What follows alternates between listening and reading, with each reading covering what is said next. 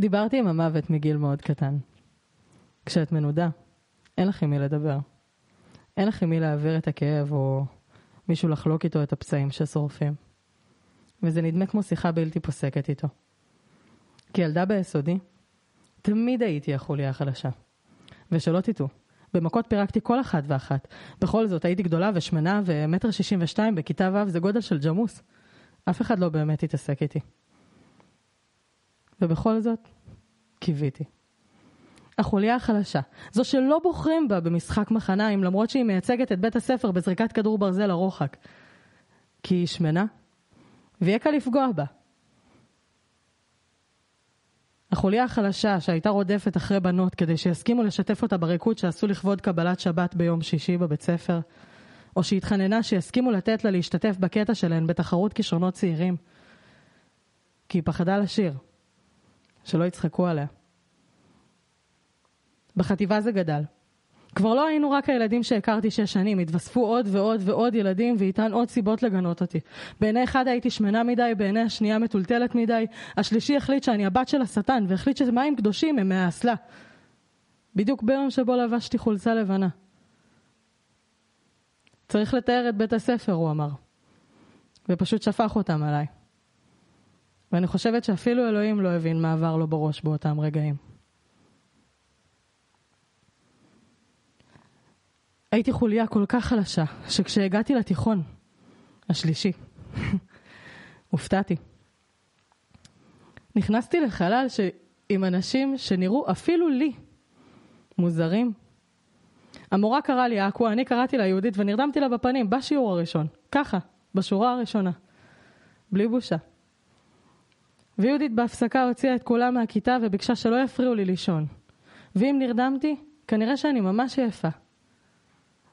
ואני, חיים שלמים נלחמתי. ופתאום מישהו אומר לי שזה בסדר להרפות, שזה בסדר להכיל, שזה בסדר להבין שגם למי שמולי יש את הסיבות למה שהוא עושה. מוזר.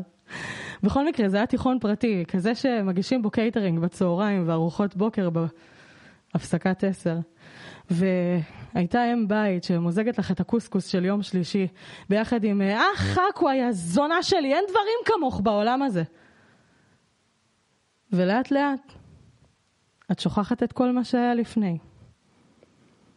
את מוצאת את הבית שיכיל ויאהב אותך, שאת לא צריכה להוכיח בו שאת ראויה, כי את ראויה מעצם היותך. ופתאום מוצאת את עצמך בהפסקה מעשנת סיגריה עם מישהי ממגמת מוזיקה והיא מבקשת ממך להיות הקול המוביל בשיר שהיא נבחנת עליו. ופתאום יש לך עם מי לדבר חוץ מהמוות. בהפסקת אוכל היו תורנים. חלק מהתפקיד שלהם היה להזכיר לשטוף את הצלחת כשמסיימים לאכול ולטאטא את המרפסת כשנגמרת ההפסקה. כשנועם הייתה תורנית, הרחתי את הפחד. כמו כריש שמריח דם מקילומטרים, הרחתי את החשש שלה להעיר לאחרים, שהשאירו את הצלחת שלהם על השולחן ולא יחזרו למקום. ונועם, בדיוק כמו שאני ניסיתי להשתלב במחניים בהפסקה ביסודי, ניסתה להשתלב בהפסקה בתיכון. וכתורנית שחששה לומר מילה, יצא שהיא שטפה את כל הערימה שהצטברה. צלחת יותר, צלחת פחות, למי זה משנה? אה? לכריש שנהייתי כנראה. וזה כריש מיוחד. אם הוא יראה דג פצוע, הוא יעזור לו להחלים. ואוכל את מי שפצע אותו. כשנועם שטפה את הצלחות התעצבנתי כל כך. התעצבנתי כל כך גם בשבילי, בשבילי של היסודי, בשבילי של היום, בשבילי של אתמול, בשבילי של אותו רגע. התעצבנתי כל כך בשבילי. קצת בשבילה. עברתי כיתה-כיתה. ירקתי צלחת צלחת והנחתי אותן מול הבעלים שלהן. כמובן שזה היה מלווה במבט נדהם מהמורות ושאר התלמידים לא הבינו בכלל מה אני עושה, אבל אני ראיתי רק את העיניים הנוצצות של נועם. אני גאה לומר שאני בריון. אני בריון של בריונים. איך עושים פתיח אחרי דבר כזה? I don't know. זאת מאיה הקואה. אנחנו אחד אחר ליד ואנחנו חופרים לכם על כתיבת שירים, פתיח.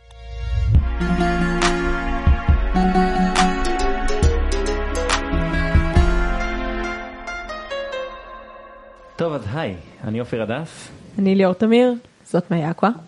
נמצאת איתנו מאי אקווה. אהלן, שלום כן. לך, מה נשמע? מה הולך? מה קורה? לא יודעת. אני כיף קורה. שאת פה. Thanks, כיף להיות. אנחנו נראה לי שיהיה לנו עוד כיף עוד- עוד רגע עוד יותר. זאת אה, אקווה, היא מוכשרת. אה, היא שרה טוב, והיא כותבת טוב, בעיקר poetry slam. יש לה ליין של poetry slam שהיא מנחה אותו, זה קורה פעם בשבועיים, אבל אני לא אתן עדיין את הפרטים כזה של ה socials וזה, כי היא תעשה את זה אחרי זה. אה, היא נוכחות עצבנית, בהרבה מובנים. תודה. אני נוכחות מעריכה. עצבנית אדירה שאני לא יודעת ממי היא ירשה. אה, ו- וחברה. יש לך משהו להוסיף אופיר הדס? נראה לי שאמרת הכל. אה, סנג'רית נגנים. אז בתור נגן שמאוד מסונג'ר, אני יכול להגיד שבן אדם ש... א', ממש כיף ללוות אותך, ואחד הדברים זה גם האנרגיה שלך זה מדבק. כאילו זה... זה יתרון וחיסרון. אמ, חיסרון למה?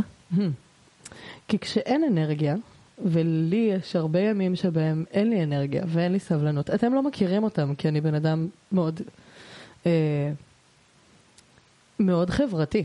אז כשאני מוקפת באנשים, פתאום הרבה דברים שעברו לי בראש לפני זה יכולים פתאום להיעלם, ואז זה כזה, נגמר היום המעצבן שהיה, הגיע הערב, וזה... ויש צדדים בי שהם... אה, כשאני בעצבים באמת, או כשאני משהו באמת באמת נוגע, כואב, מציק, כאילו שורף, אז, אה, אז הסחרור שאני נמצאת בו, והמחשבות שלי נמצאות בו, אה, יכול גם בטעות אה, לתפוס עוד אנשים איתו, בסחרחורת. בעצם כאילו זה כמו מערבולת כזאתי. עכשיו, וזה נשאב למטה, וכזה, ואז אני בקרקעית יושבת כזה עם... אה, עם, עם חתול לבן, חיכיתי לכם. חיכיתי לכם. כן, יפה. כזה. אז זה יכול להיות אה, כזה, וזה יכול להיות, אה, אני באה עם אה, איזה סירת מפרש כזאת וכזה, אה, מה נשמע אתם בים? בואו, בואו, עזבו אתכם מהמערבולת הזאת, אבל זה הבדל של כמה, כמה רגעים בחברת אנשים. האנשים הנכונים. אחד הדברים שבאמת אה, קשה נגיד, זה לעשות את ההפרדה הזאת בין זאת אני וזה מי שאני. ואני מי שאני כי זה עושה לי טוב, לא כי אני רוצה לפגוע. ויש אנשים שלא מבינים את זה. אז אני יודעת לעשות את ההפרדה, שאנשים יכולים להתמגנט אליי, אבל זה לא שאני ממגנטת אותם. מהמם. כן. אז לא באמת אכפת לי, המערבולת קיימת בים. זה ים, מי שנכנס לים יודע שיש מערבולות. מהמם. ואלה החיים. כן, את לא יכולה להאשים את המ- את ה... בואי נגיד, גם אם יש מערבולת, אבל את- הבן אדם יודע אם הוא הולך לשם או לא. You כאילו, can't blame בסוף- the aqua for being wet. טוב. אני אסביר שנייה לצופים סלש מאזינים שלנו, שאני שואלת את זה בתור, אה, את אקווה בתור אדם שמופיע באופן קבוע על במות פתוחות, אבל כאילו, אה, ושמנחה ליין של פואטרי סלאם, ויש בזה מימד של קהילה, ומימד של לחלוק ולשתף רגשות. אה, ואני חושבת שהרבה פעמים הרגשות האלה לא יהיו אסירת מפרש שמצילה אותך, הרבה פעמים הרגשות האלה יהיו, אני עומד על הבמה, אני מראה לכם את המערבולת שלי, אתם עכשיו תחוו אותה, או לפחות אני אציג אותה בפניכם. אבל את רואה את זה מבחוץ. כן, אני חושבת אבל שיש משהו בלהופיע על במה שאתה סוג של כן רוצה להכניס אנשים למערבולת הזאת, אולי בצורה יותר מבוקרת, אולי לא. כשאני מופיעה על הבמה, לא כל כך אכפת לי אם אני, כאילו, לא כל כך אכפת לי אם אנשים יהיו כאילו בטרמול אחרי זה. אה, אני מרגישה שיש איזשהו ערך ל- לעצם הלחוות את זה. מעניין ואני חושבת שיש משהו בלחוות את זה כקהילה, שגם מקרב אנשים. אה, ושמאפשר לחוות את זה בצורה, זה כאילו קצת כמו, כאילו יש לך קובץ גוגל דרייב של רגשות אבל, וכולם כזה מעלים את הרגשות שלהם, אבל אז כל אחד יכול להעיר ולערוך, ואז לומדים דברים יותר מאשר אם היית עושה את זה רק לבד. אה, כן, והיתרון זה גם שאתה רואה את העריכות של אנשים אחרים, הוא יכול להבין מי ערך לך מה. ואתה יכול לבחור מה לקחת בזה, בשונה מגוגל. נכון, יכול להיות. אה, כן. אה, כמנהלת של ליין זה אחרת. כשאני באה בתור מנהלת של ליין, אני יודעת שאני מנהלת. אני יודעת שאני בכובע של, ה... של ה poetry slam, של התפקיד שלי בתוך הסוקולובסקי, ואני בעצם מגיעה עם איזושהי מוכנות מסוימת ואיזושהי מטרה מסוימת.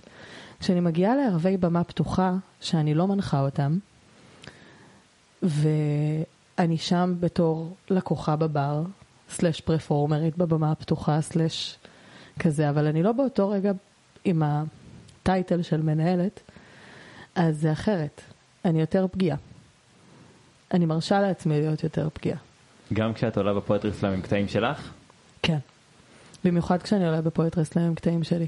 אני חושבת שאם הייתי עולה להופיע, מה זאת אומרת? אם, כשעליתי להופיע אה, עם poetry שהוא בליין שהוא לא שלי, א', הברכיים שלי רעדו כל כך. זה כל וואו. כך היה לי מוזר. אני כזה, oh my god, אני לא בבית שלי, מה אני עושה פה? מה זה? לא, כאילו. ו...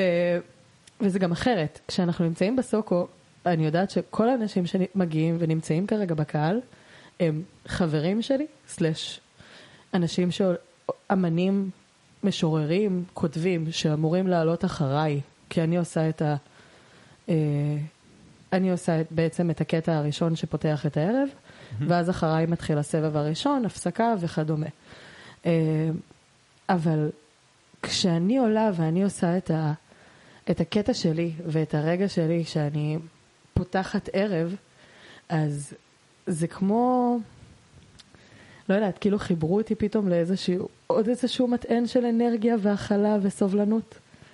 ועוד איזשהו כזה, וזה, וזה חיבור מאוד מאוד מהיר, זה כזה, אני עושה את השני צעדים האלה על הבמה, נעמדת מול המיקרופון, וזה כזה טאק ישר לתוך הגב שלי. ואני מרגישה את זה בעמוד שדרה שלי, ואני מרגישה את זה פתאום כזה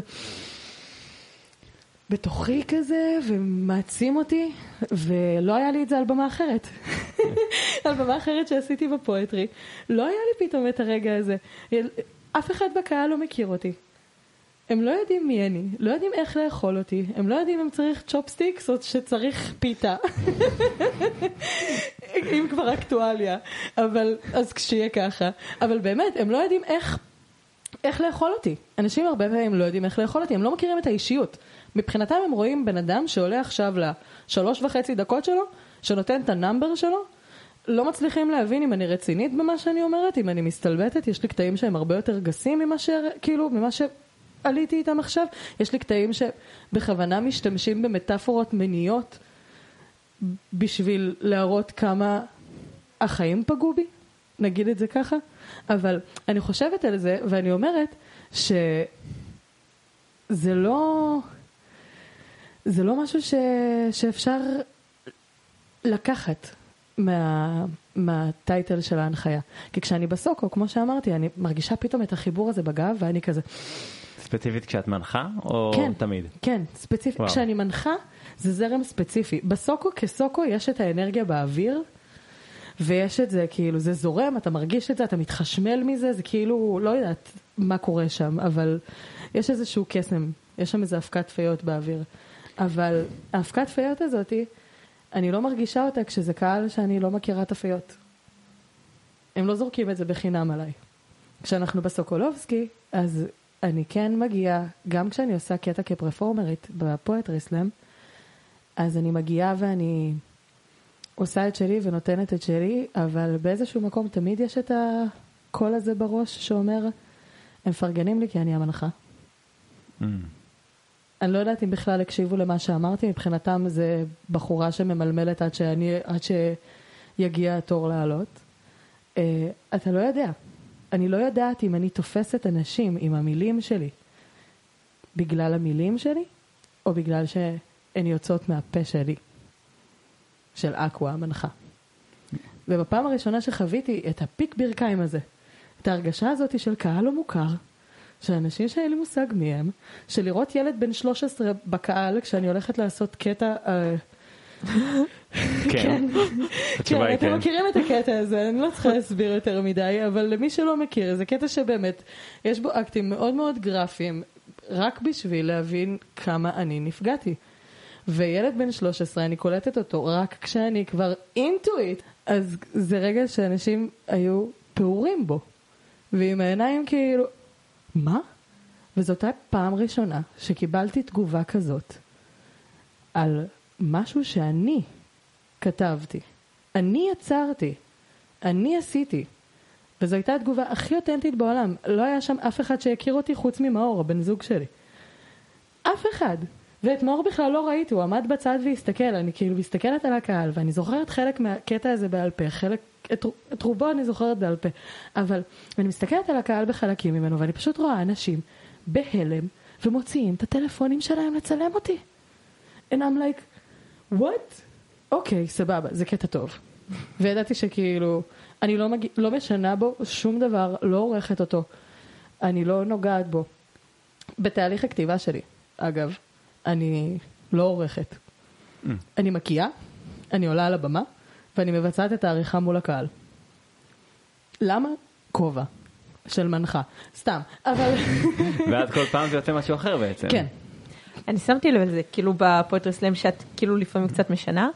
אני חושבת שזה משהו שהרבה אומנים עושים בהופעות, כאילו יש הרבה אומנים שמקליטים שירים, אחרי שהם, יש משהו בקהל שכזה נותן לך איזשהו שיקוף נראה לי של מה יותר עובד ומה פחות. נכון. נכון. והקהל שמשקף לך את זה, זה מאוד מאוד פשוט לערוך את זה. הרבה יותר מאשר להקריא את זה לבן אדם אחד שנמצא מולך, וזה הבן אדם היחיד הזה. לא, אני רוצה את דעת הקהל, לא את דעת הבן זוג שלי. יש משהו בקהל ובאנרגיות של במה, שזה לא משנה בהכרח כמות האנשים. זה, ש, זה שזה רבים משמעית. לעומת אחד. משהו בפונקציה של קהל ושל במה, מכניס אותך ללהגיב לא רק ככאילו מחשבתית מהראש, כאילו, אוקיי, זה טוב, זה טוב, זה אני אשנה, זה אני לא אשנה, אלא אתה מרגיב לאנרגיה. זה כמו שאנשים עולים על במה, את חווית את זה הרבה, נראה לי, אה, שאנשים עולים על במה ויש כזה קטע שמישהו עושה משהו ואז כאילו הקהל פשוט צורח, כאילו. כאילו את אומרת חווית את כן. זה הרבה כי אני צורחת הרבה? לא, אני שהקהל התכוונתי מהצד. השני, אה. אבל את שניהם את עושה, כן. כן, אני מאוד אוהבת לצעוק. אני, אני הוו גרל. אמ, זה רגע מאוד משקר. בכף. כן. אמ, זה רגע שבאמת את אה, מרגישה כאילו בבית הראשון שתית איזה צ'ייסר, ואז יש את הפזמון הראשון, והפזמון הראשון אף פעם לא נותנים אותו בשיא הכוח. כן. זה כזה, הוא תמיד כזה, מחזיקים אתכם על ה-70 אחוז, תחשבו שזה המאה שלי. ואז בעצם את עושה איזה קוקטייל בפזמון, כזה בניחותא. ואז מגיע הבית השני, ואז עוד פעם איזשהו צ'ייסר, ואת מגיעה לבית השלישי, ואת אומרת, יאללה. את מגיעה לפזמון, סליחה, ואת אומרת, יאללה, תביא לי את, ה, את הקוקטייל הזה שהזמנתי מקודם, אבל תחזק, תחזק לי, תוסיף לי עוד מנת האלכוהול, ואז הגענו למאה אחוז שלנו בפרפורמנס. ובעצם בשיא פארט, זה הרגע שבו, זה, זה או שזה הולך למקום של הולכים להקיא בשירותים, אז אנחנו מורידים אנרגיות, או שבשיא פארט זה הולך להיות, יש בר אקטיבי! ומגבירים את זה אפילו יותר. וברגע הזה, הרגע הזה שגם כשזה שקט והקהל מוחא איתך את הכפיים בקצב, או כשזה שמח ורועש ואנשים, ואת רואה את, ה, את רואה את ה... את רואה את הקצב, את רואה את ההרגשה באנשים, הם רוקדים, הם שמחים, הם איתך, גם אם הם לא באמת רוקדים והם רק בכיסא שלהם, ואז הם צריכים את ה... נו, אבל אתם יכולים למחוא כפיים. שאני מאוד אוהבת להגיד באמצע הנאמברים שלי. וברגע שיש איזושהי תקשורת גם עם הקהל, זה עובד גם כשאני שרה וגם בפואטרי סלאם. יש הרבה פעמים שיש הערות מסוימות אה, שבאות מהקהל ואני מגיבה להם תוך כדי הקטע שלי. וזה עובד טוב, זה כמו כזה חצי סטנדאפ. קצת מעניין אותי באמת להיכנס יותר לעומק של הכתיבה, נתחיל מזה שבעצם את שר, מה שהביא אותך לכתיבה זה המוזיקה. כן ולא, כן ולא. אז בואי ספרי לנו. כי- מבחינת ליינים, אתה צודק, מבחינת לעלות על במות ומבחינת להוציא כלפי קהל, אה, באמת מה שהיה קודם זה השירה, שבעצם כששרתי.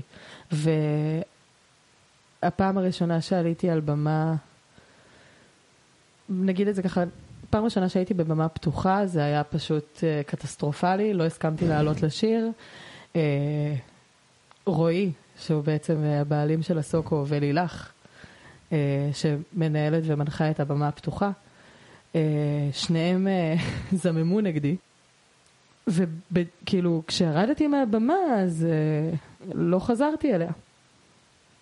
כן, כן, וואלה. אני רואה את המגבות המורמות שלך, ואני רואה את החיוך ואת המבט הבוחן של ליאור, וכן, החלטתי שאני לא חוזרת לבמה יותר בחיים, אין מצב בעולם, זה היה כל כך מפחיד, אני לא מוכנה לזה, לא אכפת לי כפיים, לא אכפת לי כלום. הרגע המשקר הזה, אז אני חשבתי, אני, אני קיבלתי הנגובר אחר כך.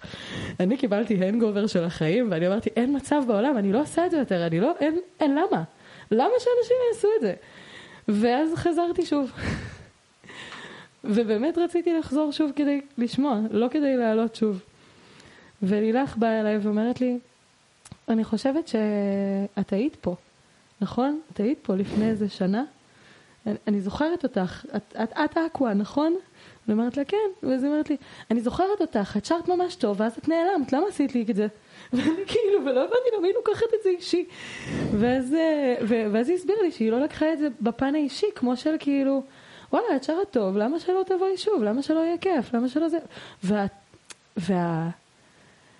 התמימות והאטום שבו זה נאמר, באמת, ה... אפס פילטרים, אה, מה האינטרס שלה? כאילו כן, יש לה אינטרס כמנהלת של במה שאנשים שעולים לשיר ישירו טוב, אבל אני לא שרה בצורה מקצועית. אני לא יודעת מה הסולמות שלי, אני לא יודעת ללוות את עצמי, אני כאילו, אז באותה תקופה, גם הייתי, מח... באמצע שיר הייתי מחליפה ועוברת מסולם לסולם. הייתי מתבלבלת כל כך, התבלבלתי כי אין ספור פעמים, ו... ולא משנה מה עשיתי, אז אני מסתכלת כזה שמאלה, ו... ויש לי לילך מחייכת, in all good, וסבבה. ולאט לאט כאילו אני, אנשים רק שומעים את השם שלי ומתחילים למחוא כפיים וזה כזה, או, אוקיי, סבבה, מגניב, יאללה. ו... וזה היה פשוט... אה... זה לא הייתה אהבה ממבט ראשון אני אגיד, אבל כאילו... שמנו לב אחד לשנייה, אני והבמה. כזה קרצנו, פלירטטנו, אבל אה, לא ידעתי איך לאכול אותה, היא לא ידעה איך לאכול אותי. לפחות ככה חשבתי. מסתבר שהיא כן ידעה מההתחלה, אני פשוט לא הבנתי את זה. וזה היה מוזר. עכשיו, את, את הליין של הפואטרי התחלנו בסוקו בכלל מתוך דרישת הקהל. יש משוררת מהממת, שהיא גם בת בית אצלנו בליין בעצם, דיברנו על הקהילה ויש בעצם גרעין מאוד חזק. אז uh, למשוררת הזאת קוראים אורלי אופיר מוסקונה, והיא הגיעה לבמה הפתוחה בסוקו, עוד לפני שהיה את הליין של הפואטרי, ושאלה אם אפשר uh, להקריא. זוכרת את הערב הזה. כן. וזה התנהל ממש אה, אחרי הפרשה שהתפוצצה עם ה... אה, באילת, ועם התחושה הזאת של החוסר אונים ש... שהייתה בעצם בקטע של אורלי, כשהיא עלתה והקריאה, אני פשוט נדהמתי. ו... ואני זוכרת שאני יושבת, ממש שולחן מפריד ביני ובין אורלי, ואני לא מפסיקה לבכות. לא מפסיקה לבכות. ואחר כך היא שאלה אם יש בכלל ליין, כאילו שיש פה שירה או משהו כזה, שהיא גרה בחולון והיא בחיים לא הייתה פה, ואיזה מגניב ואיזה פה. ו... ושם זה נשאר. וכמה שבועות אחר כך ישבתי ב... על רחוב סוקולוב, יש כזאת מסעדה, ואני פתאום קולטת שמישהי עוברת ונעצרת, וממש מסתכלת עליי. ובהתחלה לא הבנתי מי זאת, מה ממול, לא זיהיתי, לא קישרתי, והתחילה לגשת לכיוון, ופתאום לאט לאט איך שהיא ניגשת, אני כזה, היי, זו אותה, זו אותה אחת שהקריאה בסוק, אני זוכרת אותה, אני זוכרת, והיא ניגשה אליי ואומרת לי, את אקווה, נכון? ואני אומרת לה, כן. ו... והיא, ש... והיא אומרת לי, אני, אני ממש זוכרת אותך, אנחנו הכרנו פה ממול בבר, ואני אומרת לה, כן, אני גם זוכרת אותך, את כאילו... הקטע שלך אה, מצמרר, וממש יצא שקשקשנו כמה דקות, ואז היא שאלה, איך זה שאין ליין? כמה חודשים אחר כך כאילו כבר היה ליין, אבל בעצם.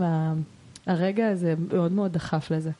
וכשחשבנו על המתכונת של הערב, אני ורועי ישבנו ובאמת חשבנו, מה? אמרתי לו, אין מצב שאתה מצפה ממני לעשות קטע פתיחה, נכון? כאילו, זה לא קורה. אני לא עולה לבמה. אני פה לנהל את זה. אני רואה אותך צוחקת ליאור, את. בסדר, את יכולה להפריע לי ולצחוק, זה מצחיק. אני אמרתי לו, אין מצב, רועי, אני לא עולה לבמה, אני, אני עולה לבמה להציג אנשים, אני אפתח את הערב, אני אסגור את הערב, יהיה כיף, יהיה מגניב. אני לא שמה את הלב שלי שם. אין מצב. היו לך. קטעים שכתבת לפני? בטח. מלא קטעים. פשוט לא רצית לעלות איתם. לא רציתי, לא רציתי כלום, לא רציתי שאף אחד ידע מה עובר אצלי בלב. וואו. לא רציתי, ש... לא רציתי שאף אחד ידע. כתבתי לפני, הקטע הראשון שעליתי איתו בעצם, בערב שפתח את הליין, זה היה ב... ביוני 2022, סוף יוני. והקטע הראשון שעליתי איתו זה היה ביום ראשון. אחרי שביום שבת, במוצ"ש, הייתי בסוקולובסקי, בקריוקי. עד ארבע לפנות בוקר, ושתיתי, ושרתי, וצחקתי, והייתי בטוחה שאני מחר פותחת ליין, ואני לא עולה על הבמה הזאת בשביל שום דבר אחר חוץ מלהציג אנשים. וחזרתי הביתה, ולא הצלחתי לישון. ומחשבות רצות לי, ואני קולטת שהמחשבות שרצות לי זה בעצם המילים שלי. מילים שלי שאני כתבתי כשהייתי בת 16. כשהייתי בת 16 זה היה הייתי בהוסטל חירום לנוער בסיכון, ובאחד הלילות ישבתי שם, אני זוכרת שלא היה לי פלאפון צמוד אליי, זה היה בארון או whatever, אבל אה, בעצם מצאתי כמה, מצאתי כמה נרות שם שנשארו מחנוכה, ו... ו... וכתבתי, כתבתי, לא היה לי עם מי לדבר. לא היה לי חברים לפרוק להם, לא היה לי אף אחד. היה לי את עצמי ואת המחברת. אז כתבתי, וכתבתי וכתבתי וכתבתי וכתבתי וכתבתי. וזה היה אחרי ניסיון התאבדות, שבגללו בעצם הגעתי לסיטואציה שבכלל אני בהוסטל. וכתבתי, וכתבתי וכתבתי וכתבתי, ובאותו יום שבת, במוצ"ש, זה היה כבר ראשון לפנות בוקר, כי הרי חזרתי רק בארבע לפנות בוקר הביתה, ואני לא מצליחה לישון, ואני מסתובבת במיטה, ואני... והמילים שלי, שהיו שם כשאני הייתי לבד, כשהייתי בת 16, פתאום מהדהדות לי בראש. ואף פעם לא מצאתי את הקטע המקורי, אף פעם לא מצאתי את המחברת עצמה, היא עבדה לי, אני לא יודעת איפה היא. אבל המוח שלי, הטראומטי והמצחיק, הצליח לשחזר. ובעצם וואו. לא הצלחתי ללכת לישון, עד ששחזרתי את הקטע. ועד שכתבתי אותו. וזה קטע שהוא בעצם עם מוטיב חוזר של קיבלתי מכתב, אימא מגיבה למכתב, אני מגיבה לתגובה של אימא. מוטיב שחוזר על עצמו, בין אם זה ציור מהגן, בין אם זה מכתב מהבית ספר, בין אם זה מכתב מהצבא, ובין אם זה מכתב שאני השארתי. ושחזרתי את זה באותו לילה, בוקר. ולא, ולא, ועד אותו רגע, עד השנייה שבה בעצם התכנסנו בסוקו, ביום ראשון, לא האמנתי שאני אצליח לעלות עם המילים שלי. זה כל כך קשה. המעבר הזה מהכפיים והחגיגה וכל הכיף הזה שקורה על הבמה, גם אם אני עושה שירים של אנשים אחרים שהם עצובים, הם עדיין חגיגה. כי אני עושה אותם שלי. אבל זה לא שלי. זה משהו ששייכתי. כשזה היה משהו שלי, שעליתי איתו פעם ראשונה, אני לא, לא הייתי סגורה על זה, בכלל. לא, לא רציתי לעלות. קצת, קצת כן, קצת לא. זה היה יום מאוד מאוד עמוס, מאוד רגשי. השקתי ליין, כאילו. השקתי ליין של poetry slam, כשאני בעצמי בחיים שלי לא הייתי בערב poetry slam לפני. אה, מה שהתחלתי להגיד, רציתי ללכת לערבי poetry slam כדי ללמוד, ובסוף יצא שלא הספקתי. כל פעם היה משהו אחר שקפץ לי, ולא הספקתי ללכת ללמוד. לא, לא, ללמוד מאנשים אחרים איך הם עושים את זה, כאילו, כזה, לקחת השראה, להבין איך זה קורה בסצנה הזאת. ולא הצלחתי, אז זה קרה בדרך שלי. ו... שזה הכי יפה. וזו הדרך הכי נכונה לי. זו הדרך הכי נכונה לי לנהל את הליין הזה, זו הדרך הכי נכונה לליין הזה בעיניי במתכונת שלו כרגע, עם הקהילה שלו כרגע, עם האנשים שנמצאים כגרעין. וההפסקה זה משהו שהיה לי חשוב שיהיה בין סבב לסבב, כי אני גם צריכה לנשום. אני גם חושבת שזה מאוד מאוד נכון לליין, כי א', אה, לי אישית היו שיחות מאוד עמוקות ומדהימות בהפסקה הזאת. אה, יכול להיות שכנראה הייתם נוכחים ברובן. אה, וגם אני חושבת שזה נותן לכולם להתאוורר. כלומר, בבמה הפתוחה בסוקולובסקי של המוזיקה, אה, אז יש כאילו, יש איזושהי מידה של טיילת, נכון? שכזה נכנסים, יוצאים, כי אתה רוצה להיות בפנים לשירים של אנשים, אבל אתה גם רוצה להתאוורר שנייה בחוץ ולדבר כן, וזה. גם, וזה גם לא מפריע לאנשים אחרים כשיש תזוזה, כי יש לך את הכלי נגינה שבעצם נותנים כן. איזושהי אה, רעש. בפואטרי סלאם זה קצת שונה, כי כאילו, זה, זה קצת פחות נעים לצאת באמצע שיר שמישהו כאילו מספר על כזה אבא שלו שמת, או משהו כזה. אבל אה, כשזה עם גיטרה והוא מדבר על אבא שלו של מת, זה סבבה לקחת שנייה בחוץ ולחזור, כי זה תמיד גם יש לרוב אבא מעברים. של מישהו אחר שמת, את מבינה? כי זה לא תמיד המילים שלו. הנקודה היא שבפואטרי סלאם פחות יש תזוזה בין לבין, נכון, זה זה די וההפסקה הזאת סטטי. מאפשרת לאנשים את זה. נכון. כאילו, כי היא מאפשרת להם להתאוורר. כי צריך להתאוורר, לא רק את. אה, כן, אבל אני בכנות מוחלטת אגיד שלא חשבתי עליכם. אני חושבת שהרבה פעמים כשאתה חושב רק על עצמך זה משרת, כאילו, זה נשמע הפוך, אבל הרבה פעמים כשאתה חושב על הטובה והרווחה הנפשית שלך, זה בסופו של דבר משרת את האנשים שסביבך. כן, כשזה... כי זה כנראה את לא היחידה שצריכה את ההפסקה הזאת, יכול להיות. כמו הרבה דברים. אפילו לא חשבתי על זה עד עכשיו, למען האמת. כאילו במשך, ש... כאילו במשך כל הזמן שהליין עובד עד עכשיו, אני כאילו... ההפסקה הזאת היא הרגע שלי ללכת לשטוף פנים, ללכת ל... אפילו לשירותים. אני לא מסכימה לעצמי ללכת לשירותים בזמן קטעים של אנשים אחרים. אני לא יודעת, אני לא יודעת. שיר ממוצע זה שתיים וחצי דקות. לא, גם בשיר את שומעת, אוקיי, זה הבית הראשון, זה הבית השני, זה... אוקיי, אני, אני את- אספיק. יש לך מבנה כן, כלשהו. כן, כן. היופי בפואטרי סלאם, וזה גם מה שמונע ממני ללכת לשירותים. זה שזה, וואו. זה שזה, את אף פעם לא יודעת. יש פעמים שאני יכולה לעלות לבמה עם קטע של ארבע וחצי דקות, ומישהו אחריי יעלה עם קניתי מגבונים. בואי. וואו, ברור לך שכתבת שיר ואני יכול... זה- זה- זה- כן, כן. בסדר, לא, איפה- הניילונית שלך, פעם ראשונה שאני שומעת את ליאור עושה את הוואו הזה בלי ניילונית ביד. זה כי אני, אנחנו באמצע משהו. טוב, בסדר. מרגיש לי שזה מעביר נקודה. תודה. אה, כן, אז באמת ש... זה מאוד דינמי וזה מאוד משתנה, ומצד, וגם מהמקום של, אני לא רוצה להפסיד אף אחד. אני באמת לא רוצה להפסיד אף אחד. אני רוצה לעלות, אני רוצה להיות, אני רוצה להקשיב.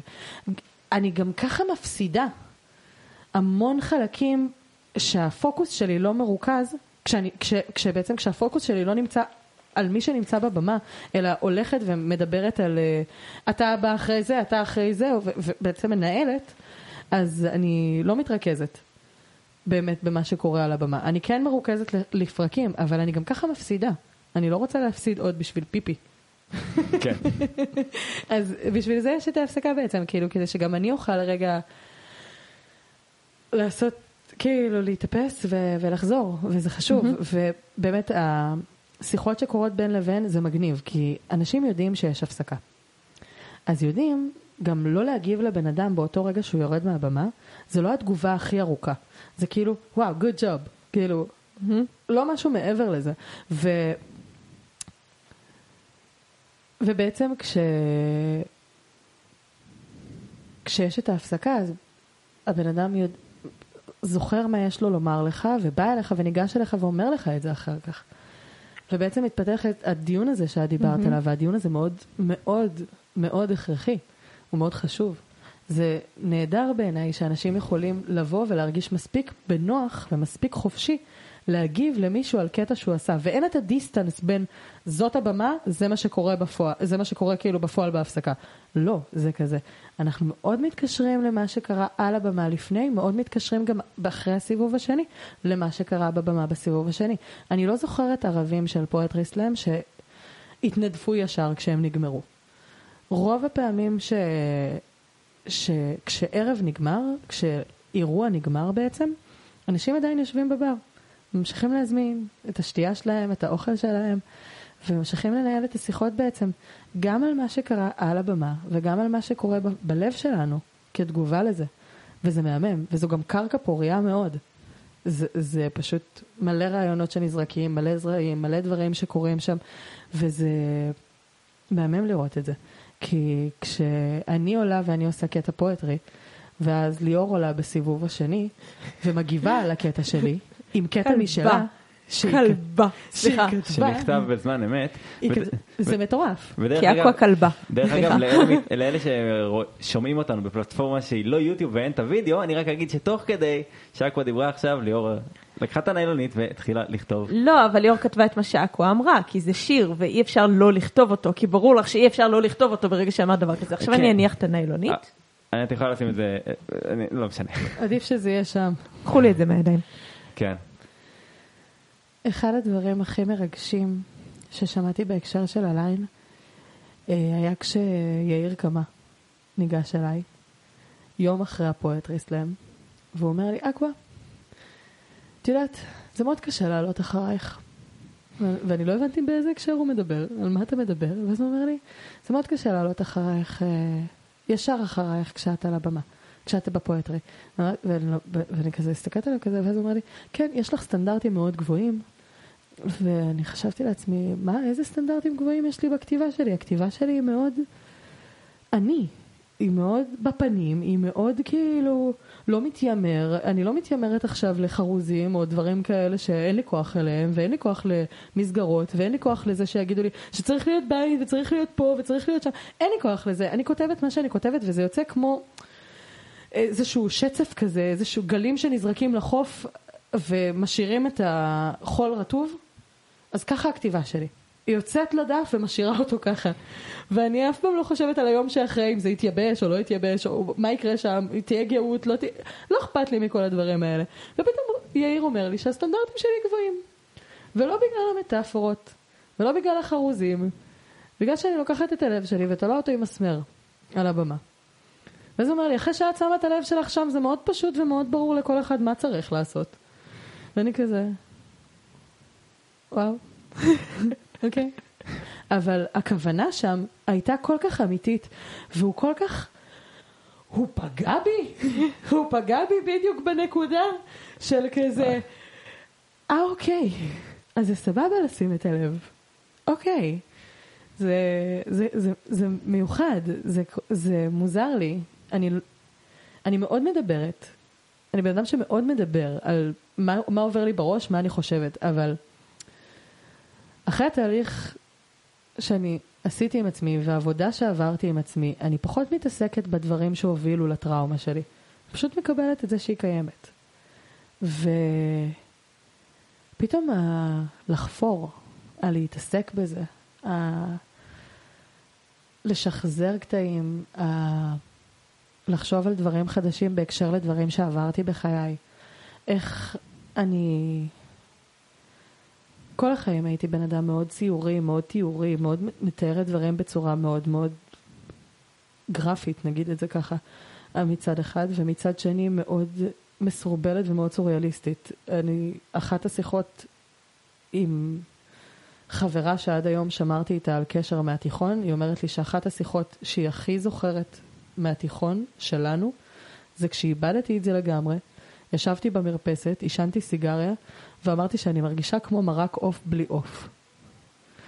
ואני מרגישה חסרת מטרה, וכאילו ממש נכנסתי לתוך הדימוי הזה של מרק, ואמרתי, והסלרי, והזה, וכאילו כל השטויות האלה, ו... ואני לא זכרתי את השיחה הזאת.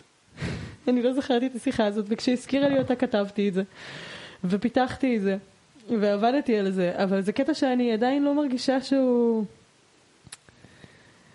עדי... אני עדיין לא בשלה איתו מספיק בשביל לעשות אותו או להוציא אותו. אני, אני עוד לא שם. הדגש על העוד לא. זה כאילו מרגיש שיש לך את הציוריות הזאת גם כשאת מדברת כזה, אבל, אבל בכתיבה זה כאילו לא מה ש... זה שם, אבל זה לא מה ששווה. זה בדיוק מה שאמרת. זה, ברגע שזה אמיתי ושומעים שהכית את זה, שישב לך פה על הלב ו... ישר על דף ו... כן. עשינו גרפס. בום, קחו את זה. זה יצא. כן, זה נכון, ו... אבל זה שם, כאילו כל הדברים האלה, יכול להיות שזה גם משהו שעובר, זאת אומרת, בן אדם שמקשיב לזה, או שמע את אותו קטע כמה פעמים, ופתאום הוא מרגיש, רגע, אבל uh, כאילו הכתיבה פה יפה, שהוא חושב uh, כן גם על הציוריות וכן גם על העוד דברים שאת כן עושה, שבואי נגיד מקשטים את האמת הזאת שאת מביאה. אבל הקטע זה שאני לא מתרכזת בציוריות. זהו, וזה מה שעובד, זה בדיוק מה שעובד. אני לא אעלה על במה עם דברים שהם מאה אחוז אה, אני. וזו סיבה מאוד מאוד חשובה בשבילי. אני שומרת את זה. אני כי את שומרת את זה לעצמך? כן, כי זאת אני, זה שלי. אני אתן לכם את ה-99 אחוז. תהנו ממנו. אני חושבת ש... אבל המאה אחוז הזה הוא שלי, הוא אישי, הוא פרטי. שמי, ברוב, את יודעת שיש לי הערכה עצומה אלייך כשאת על במה. וזה בא בכל מיני צורות, זה בא בצורה של הכתיבה שלך, זה בא בצורה של שירה וולקליות שלך, וזה בא בצורה של הערכה לנוכחות שלך, שזה כאילו הדבר שאני הכי... אה, in O. אני, ובהרבה מהפעמים שאת עולה לבמה לא חסר לי כלום. יש פעמים אחרות שבא לי להרביץ לך, כי אני כזה, אבל תתני לי, אני יודעת שיש לך את זה. ואני חושבת שההבדל בין ה-99% ל-100 הוא הבדל מאוד גדול. אף אחד מכם לא ראה את המאה שלי. אני לא אומרת שמגיע, שמגיע לנו את המאה שלך. אני אומרת שמגיע לך את המאה שלך. והגישה שלי לרוב כשאני עולה על במה, ואני לא אומרת שאני מצליחה להיות שם, אבל אני כזה, אוקיי, okay, that's my place now, כולכם אורחים, ובגלל שאני עכשיו פגיעה במקום שלי, אני זאת שמדמיינת את העולם הזה, אני זאת שקובעת את החוקים. אם אתם כאילו אורחים, אז... תתמודדו. כן. רוב הזמן אני לא מרגישה פגיעה על הבמה. אני... מה...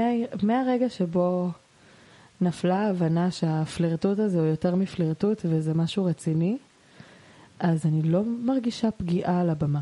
אני חושבת שההבדל בינינו גם, זה שאני עולה על הבמה, או כמנהלת ליין של פואטרי, או כזמרת שעושה קאברים. את, לעומתי, גם זמרת וגם כותבת את המוזיקה שלך. אני חושבת ש... 80% מהפעמים שעלית על הבמה עליתי עם שירים שלך, או שירים שתרגמת, או שירים שהיד שלך הייתה בהם, נגיד את זה ככה. וזה אחרת. כי זה כמו שאני הרגשתי בפעם הראשונה שעליתי ב... במקום שהוא לא הסוקולובסקי, ועשיתי את הפואטרי סלאם שלי. זו הייתה, אני חושבת שזה המקום היחיד שבו אני יכולה איכשהו להזדהות איתך, כשזה נוכחות בימתית. כי אני עמדתי שם ועוד רגע כאילו, לא ידעתי מה לעשות עם עצמי. ומהצד השני, יש את הרגעים שבהם אני מסתכלת ואני אומרת לעצמי, וואלה, אולי גם אני הייתי רוצה להרגיש ככה, אולי גם אני הייתי רוצה להיות פגיעה על הבמה. אבל אני לא כותבת את המוזיקה שלי. המוזיקה ש... אני, אני אנסח את זה מחדש. אני כן כותבת את המילים למוזיקה שלי, אבל אין לי את הידע איך להוציא את זה לפועל. עד שלב מסוים, ואת יודעת את זה גם, לא היה לי רצון, או חשק, או איזושהי הרגשה של להוציא את זה לפועל. לא, לא עבר לי בראש אפילו, לא חשבתי שזו החוזקה שלי. כתיבה של שירים, כאילו שירה מולחנת. שירה מולחנת, כן. לא חשבתי שאני אצליח, לא חשבתי שאני אדע, לא חשבתי שזה ימשוך אותי. כאילו, כל השירים וכל הדברים שכתבתי היו מאוד מאוד בסיסיים והיו מאוד מאוד של ילדה בת 12. בלהקת בנות. וזו הייתה המחשבה שלי, של זה מה שאני מצליחה להוציא, כשאני מנסה לעשות משהו מולחן. זה מה שאני מצליחה לעשות. ו- ומתוך המקום הזה, לא נתתי לעצמי את המחשבה, שאולי כמו שמבחינת הווקאליות שלי, מבחינת הפרפורמנס שלי. השתפרתי מלא. שמתי לב שאני מצליחה לתקשר את זה גם כשאופיר מלווה אותי, למשל.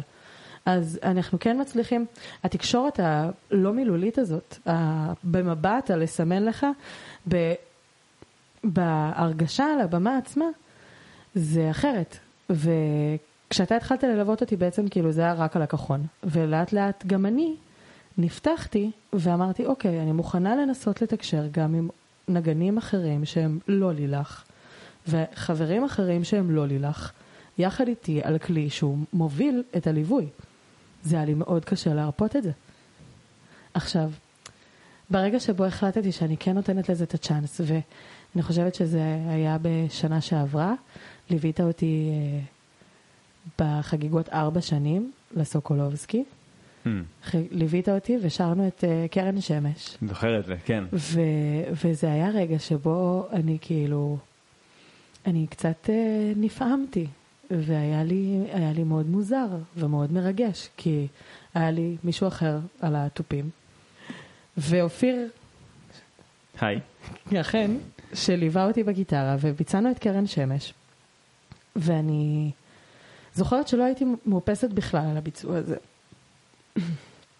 לא הייתי מאופסת בכלל על הביצוע הזה, ולא חשבתי שהוא טוב, וחשבתי שפיקששתי אחושרמוטה, ו- ואמרתי לעצמי כאילו, fuck it, יאללה, כוס אמו, זה היה, זה נגמר. ו... ובשיר השני שביצעתי, בעצם ביצעתי את זה עם, עם אמן אחר, חבר אחר שליווה אותי, ופתאום ההבנה של וואלה, הביצוע הקודם לא היה מחורבן, אני ואופיר הצלחנו לתקשר, הצלחתי לשיר יחד, כאילו הסתכלנו אחד על השנייה, היה שם רגע, ידענו מתי, כאילו, ידעתי מתי הוא עובר לסי-פארט, מתי הוא מנגן שטויות, מתי הוא עושה את הכיף שלו, מתי אני עושה את הכיף שלי. פתאום הייתה את ההבנה הזאת של כאילו, אנחנו מצליחים להבין אחד את השנייה, ועם הבחור השני שליווה אותי זה לא קרה. ופתאום, כשה, כש, פתאום כשהבנתי מה חסר לי, הבנתי שזה קרה לפני. והייתי כזה, וואו, אוקיי, וואו. מגניב, אז אני מצליחה גם עם אנשים שהם לא, אני, כאילו, אני מצליחה לעשות את זה גם עם אנשים שהם לא חברים שלי, קרובים אליי. וההבנה הזאת הייתה מאוד מאוד מאוד מטורלל, כאילו, טרללה לי את השכל. ואז לאט לאט התחלתי להיפתח בעצם, ול- ולבקש מאנשים אחרים שאתה יכול ללוות אותי בשיר הזה, אתה יכול ללוות אותי בשיר הזה. השבוע, בבמה הפתוחה, ביצעתי שיר של ג'יין בורדו, ש... שבחיים שלי לא חשבתי שאני אבצע שיר בכזאת עדינות וכזאת רכות. יש לי משהו מאוד, מאוד, אני לא, לא יודעת איך להגדיר את זה, אבל אני לא, קשה לי לשיר רך. קשה לי לשיר בסגנון הלחישות של בילי אייליש. קשה לי, קשה לי, קשה לי להנמיך את זה, קשה לי... אני לא מצליחה לעשות את זה בטבעי שלי. ולמה אני לא מצליחה לעשות את זה? כי אני חושבת שזה לא מתאים לי. והמוח שלי הוא זה שדופק אותי בעצם ברגע הזה. ו... ושרתי שיר של ג'יין בורדו, וזה היה בליווי של יאיר קמה על הקלידים. וזה היה פשוט עדין ורך ושונה מ- מהסגנון הרגוע שלי בדרך כלל. וניגשו אליי אנשים אחר כך ואומרים לי, וואלה, אקווה, בדרך כלל את לא עושה את זה ככה. את בדרך כלל כאילו, את עומדת, את מחזיקה את המיקרופון, את בתזוזה. ובאמת ישבתי על שרפרף ליד יאיר ו- ושרתי. והיה שלב שבו, בגלל שאני בחשיבה שלי. אמרתי לעצמי, וואי, זה חרא, כאילו, אני עושה פה חרא גדול על הבמה, אני פשוט מחרבשת את הכל, אני פשוט, הכל הולך לי. והיה רגע שבו אני ויאיר פשוט הסתכלנו אחד על השנייה. וזה היה בפזמון השני, ואנחנו כבר היינו עם הקוקטייל המחוזק שלנו. והוא... ופשוט המבט הזה של איך מסתכלים אחד על השנייה, ויש יש גם סרטון של הביצוע הזה בעצם, אז אני גם יצא לי לראות את זה מבחוץ, אחר כך, ואני רואה את הרגע שבו אנחנו מחייכים אחד לשנייה, ואנחנו באמת מאמינים שאנחנו לא לבד, ואני, ואני מרגישה שאנחנו, שיש לי פה משהו מיוחד וקסום, ולמרות שאני לא רגילה, ולמרות שזה מוזר לי, ולמרות שזה כאילו דרך הגשה שהיא שונה לגמרי מאיך שאני מגישה שירים בדרך כלל, זה עדיין היה קסום, זה עדיין היה מוזר, זה הקסם שאני לא מכירה, לחשים כאלה מוזרים, בטח מהספרייה האסורה, אבל uh, מוזיקה היא קסם גדול יותר מכל מה שאנחנו עושים כאן. אתה צודק.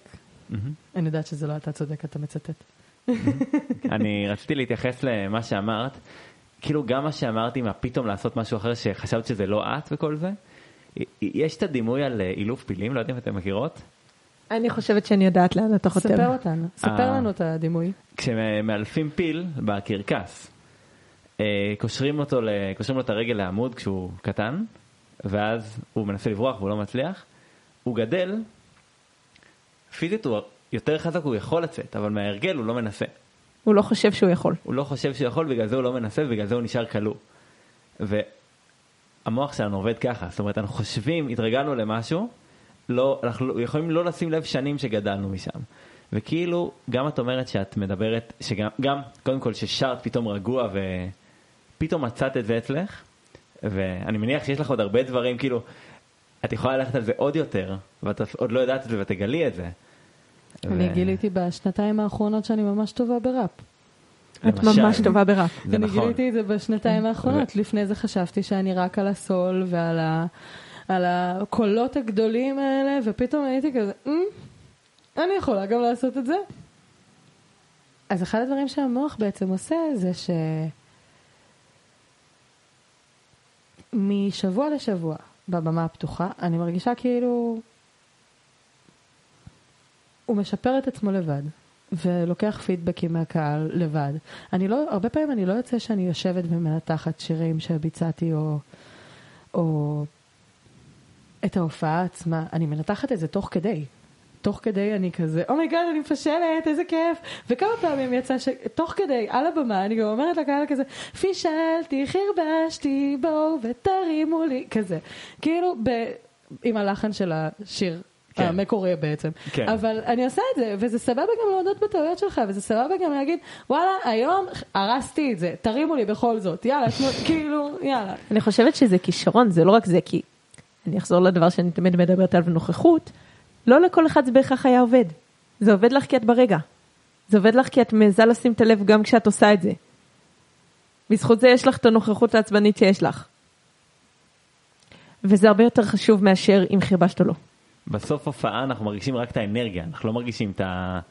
כאילו כל הזיופים ודברים כאלה, יכולים, אפשר לשים לב לזה, אבל בסוף האנרגיה זה מה שעובר לקהל. אני מאוד אני. אני מאוד לא מתנצלת על זה. אני מאוד אוהבת את העוצמה שיש לי, את האנרגיות שיש לי, את הדרך שבה אני רואה את החיים. ואם יש אנשים שזה לא טוב להם, זה בסדר, אין בעיה. או שהם ילמדו לאהוב את זה, או שהם יתרחקו לחלוטין.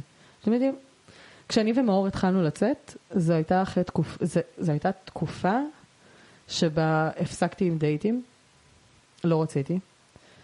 וזה לא ששמתי את כל האבנים ביחד, אבל ההתחלה של המערכת יחסים שלנו הייתה מאוד אינטנסיבית. נפגשנו כמעט כל יום, אם לא כל יום. אה, גם אם זה היה רק לשעה אחרי העבודה לשבת על חוף הים ו... וכאילו, ולשתות בירה ביחד, ואז כל אחד ממשיך לדרכו, או, או כל דבר אחר. ו... ומצאתי את עצמי כאילו חושף, שמה עוד אבן על השולחן, ועוד אבן משה מהקרקעי, ועוד אבן לוקחת אותה, ו... ו... והוא... והשולחן לא קרס. השולחן לא קרס. וזה היה מאוד אינטנסיבי מצד אחד. מצד שני, הוא גם חשף בפניי את זה שצריך איזשהו חיזוק. אז דאגנו לחיזוק. דאגתי לו כאילו להפיג את החששות שלו. הוא הפיג את החששות שלי. שכל הדברים האלה הם מאוד לגיטימיים בכל התחלה של מערכת יחסים, אבל במיוחד כשאת פוסט-טראומטית. ויש לך את הטראומה שלך מה, מהחיים. וכל, ויש רגעים שבהם זה מציק ויש רגעים שבהם לא. אנחנו, אה, אנחנו מלא זמן ביחד, אבל זה משהו שהרבה פעמים אני עדיין מוצאת את עצמי נדהמת ממנו. הרבה פרטנרים שהיו לי בחיים לא היו נכונים לי. שיניתי את עצמי בשבילם. כן, אני ראיתי את הקיבוץ גבות הזה, אופיר. כן, אני שיניתי את עצמי. הייתי צעירה ומטופשת. זה לא היה בגלל זה, אבל כן. אני מסתלבטת, אני יודעת שזה לא, אני מקשרת הכל אליי. אתה לא יודע שהשמש זורחת סביבי לפעמים, כשבא לי. אם לא, אז היא, שוקעת. אבל אמ, זה היה, זה, מאוד שיניתי את עצמי, מאוד התאמתי את עצמי לרצונות של אנשים אחרים, הייתי בזוגיות אלימה, אז האלימות לא הייתה רק פיזית, זה נגמר כשהאלימות עברה להיות פיזית, אבל היא הייתה גם נפשית ומילולית וכלכלית. וההבנה שוואלה, מה שאני עושה פה עכשיו זה לא התפשרות על דבר קטן כדי שבסופו של יום יהיה לנו טוב ביחד. זה להתפשר על עצמי. והתפשרתי על עצמי במשך כל כך הרבה זמן. ופתאום כשאני נכנסת לזוגיות, אחרי שאני לא מוכנה להתפשר על עצמי מול עצמי, ופתאום את נכנסת לזוגיות ואת רואה שהבן אדם שמולך גם לא מוכן להתפשר עלייך. וזה מהמם, וזה מדהים. ואני באמת, כל החיים זה עניין של שינויים ועניין של גדילה ועניין של לדעת איך אנחנו עושים ומה אנחנו עושים. אבל באמת שזה היה רגע שהוא מאוד מאוד ייחודי. ההבנה הזאת של אני לא משתנה, מאור לא ישתנה. אנחנו רק יכולים לנסות לשלב את הענפים שלנו אחד בשנייה ולהחזיק. אבל אנחנו שני עצים נפרדים. כל אחד יש את השורשים שלו, כל אחד, הגזע מתפתל בצורה אחרת, אבל אנחנו כן יכולים להחזיק ידיים. אנחנו יכולים לעשות את הצמיחה הזאת גם יחד, אבל לזכור שלכל אחד יש את הגזע שלו. זה חשוב, ההפרדה הזאת מצד אחד, ומצד שני, הכן ביחד. וכשאת מצליחה לעשות את הביחד הזה, בלי לוותר על הגזע שאת, זה הרגע שבו את יודעת שזה עובד. זה הרגע שבו את יודעת ש... של, של לא משנה אם יהיה גשם, יהיה שמש, יהיה חם, העלים ינשרו, אנחנו ביחד. אבל אנחנו מורכב מאני ואתה, לא מאני שמתאימה את עצמי אליך. ובתור אישה, בתור בן אדם, זה מאוד מעצים. ואקווה שאתם מכירים היום, לא הייתה אותו דבר אם היא לא הייתה חובה את הרגע המעצים הזה, שהגיע בעקבות התפשרות אדירה. כמו שאמרתי, ברגע שהבנתי מה חסר לי, הבנתי מה יש לי. והבנתי שחסר לי אותי. אז הבנתי שיש לי אותי. וואו. פשוט צריכה אותי קרוב. חשוב. Thank you, thank you, thank לא, you. thank you. מזל שזה מוקלט החרא הזה. אבל כן, זה באמת, אני חושבת שמה שחשוב לי כשאני מתקיימת בעולם הזה, נגיד את זה ככה לפחות, זה להבין שאני שלמה עם עצמי. אם יש רגעים שאני לא מרגישה שלמה עם עצמי, אני רוצה להבין על מה זה יושב לי ואיפה זה, זה נמצא כאילו אצלי בנפש. למה זה מציק לי? למה זה לא מתיישב לי כמו שצריך, כאילו, איפה צריך לשייף כדי שזה ייכנס בול? ו... והמחשבה הזאת היא מאוד מקדמת. היא לא, אוי, צריך לשייף. לא, זה, אה, פה אנחנו משייפים, יאללה. כאילו, זה לא להתבאס על זה שצריך לעשות משהו, כמו העובדה שאני פשוט עושה, ואני משתדלת לפחות. עכשיו אנחנו נמצאים כאילו בתקופה מטורללת, אני כאילו מוצאת את עצמי לא יודעת מה לעשות רוב הזמן, אז אני פשוט הרבה פעמים עוצרת לנשום, וזה מוזר לי. מוזר לי לחזור לזמנים שבהם אני צריכה לעצור כל כך הרבה לנשום. אבל אני חושבת שה- העובדה שהליין חזר יחסית מוקדם, נגיד את זה ככה. הליין של הפואטרי חזר לתפקד, הרי אנחנו ערב אחד לא קיימנו מאז תחילת המלחמה. ערב אחד התבטל בעצם, ומיד אחריו כן, כן עשינו, וכן היה. ואני פחדתי מאוד מהרגע הזה. אני כל כך פחדתי מהשגרה. באמת פחדתי ממנה. אני פחדתי ש... לא יודעת, ש... ששום דבר לא יהיה, ש... לא, לא יהיה רגיל, וששגרה לא תהיה שגרה. ואני... לאט לאט אנשים התחילו להיכנס לבר. ועם כל בן אדם שנכנס לבר אני מרגישה כאילו, לא יודעת, עוד חיבוק עוטף לי את הלב. ואני יודעת שהם לא באים לחבק אותי, אבל, אבל הרגשתי את זה. ושאלו אותי אם הליין הולך להתרכז עכשיו רק באקטואליה ובמצב של המלחמה, וזה הולך להיות הנושא, וזה הולך להיות הקטע, ואם אפשר בכלל לדבר על דברים אחרים שלא קשורים למלחמה. והתשובה הייתה לי מה זה ברורה. אנחנו לא משנים כלום. אף פעם לא הגבלתי אנשים לנושא מסוים. פעם היחידה שנתתי נושא כלשהו, וגם אמרתי, אתם יכולים לעשות ואתם יכולים גם לא. זה היה כשדיברנו בוולנטיינס דיי על אהבה. אבל היה לי מאוד חשוב שאף אחד לא ירגיש שאני לוקחת לו את היציבות הזאת של הליין. והיציבות הזאת, וההבנה שאני נותנת לאנשים את היציבות הזאת, עזרה לי להתייצב. זה מאוד מרפא. הקהילתיות הזאת, ה... אה, איך אמרת אופיר, אה, כשרק התחלנו, שזו קבוצת תמיכה בחרוזים. רציתי להתייחס לזה, אבל אני אתן לך לסיים קודם. אז הקבוצת תמיכה בחרוזים זה באמת כאילו, אנשים לא צריכים להגיד לך, אוהבים אותך אופיר, אוהבים אותך ליאור. את, אתה יודע שזה קיים, אתה יודע שזה קורה, אתה מרגיש את זה. מה רצית להגיב? לא, עשיתי? כי- אני, הקבוצה, הקבוצת תמיכה בחרוזים, אמרתי את זה בתור בדיחה כאילו, אבל זה העניין, שכאילו, אם אני עולה עכשיו, אני מאוד, באתי מתוך מוזיקליות, על לכתוב בלי לחן זה משהו שמאוד, שיחסית מאוד חדש לי, ולכתוב פואטרי סלאם זה קרה בגללך בגדול, זה בגללי או בזכותי? בזכותך, בתכלס בזכותך. כן. אני ו- חושבת שההתמכרות היא בגללי, ההבנה שאתה יכול זה בזכותי. כן. לא יודעת, ככה אני מפרשנת את זה לעצמי.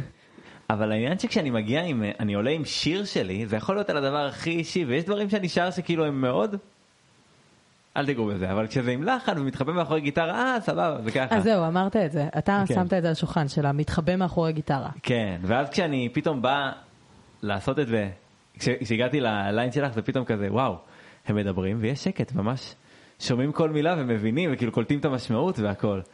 ו- וזה העניין של הקבוצת, זה כאילו, א', לא סתם הגעתי כנראה באותו יום שהתחלתי להגיע, כי כנראה איזשהו שלב שהייתי צריך לעבור של עוד חשיפה בזה, וב', וזו הנקודה שלי, שלא סתם נראה לי שאת עושה את זה, כי אני רואה פה בזמן שאנחנו מדברים את כל.